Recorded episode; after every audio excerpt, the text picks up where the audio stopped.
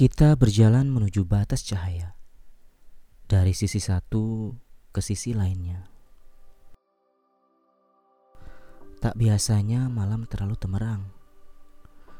Bak hujan cahaya dari sang rembulan. Anehnya bukan putih, melainkan kemuning yang memandikan tubuh kita dengan tumpahan cahaya malam. Tak ingin kehilangan momen bersejarah itu, tanganmu pun kugenggam erat. Mata kita tertuju ke langit. Lirihku berkata, sungguh tak ada yang lebih indah dari cahaya itu.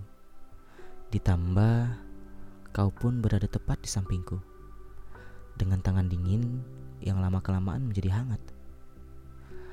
Aku pun terheran sembari mengagumi keagungan sang pencipta. Di sini, tepat kami berdiri, ada hujan cahaya yang menyinari. Namun, beberapa langkah di depan terlihat sisi lain. Yang kulihat hanyalah hitam pekat.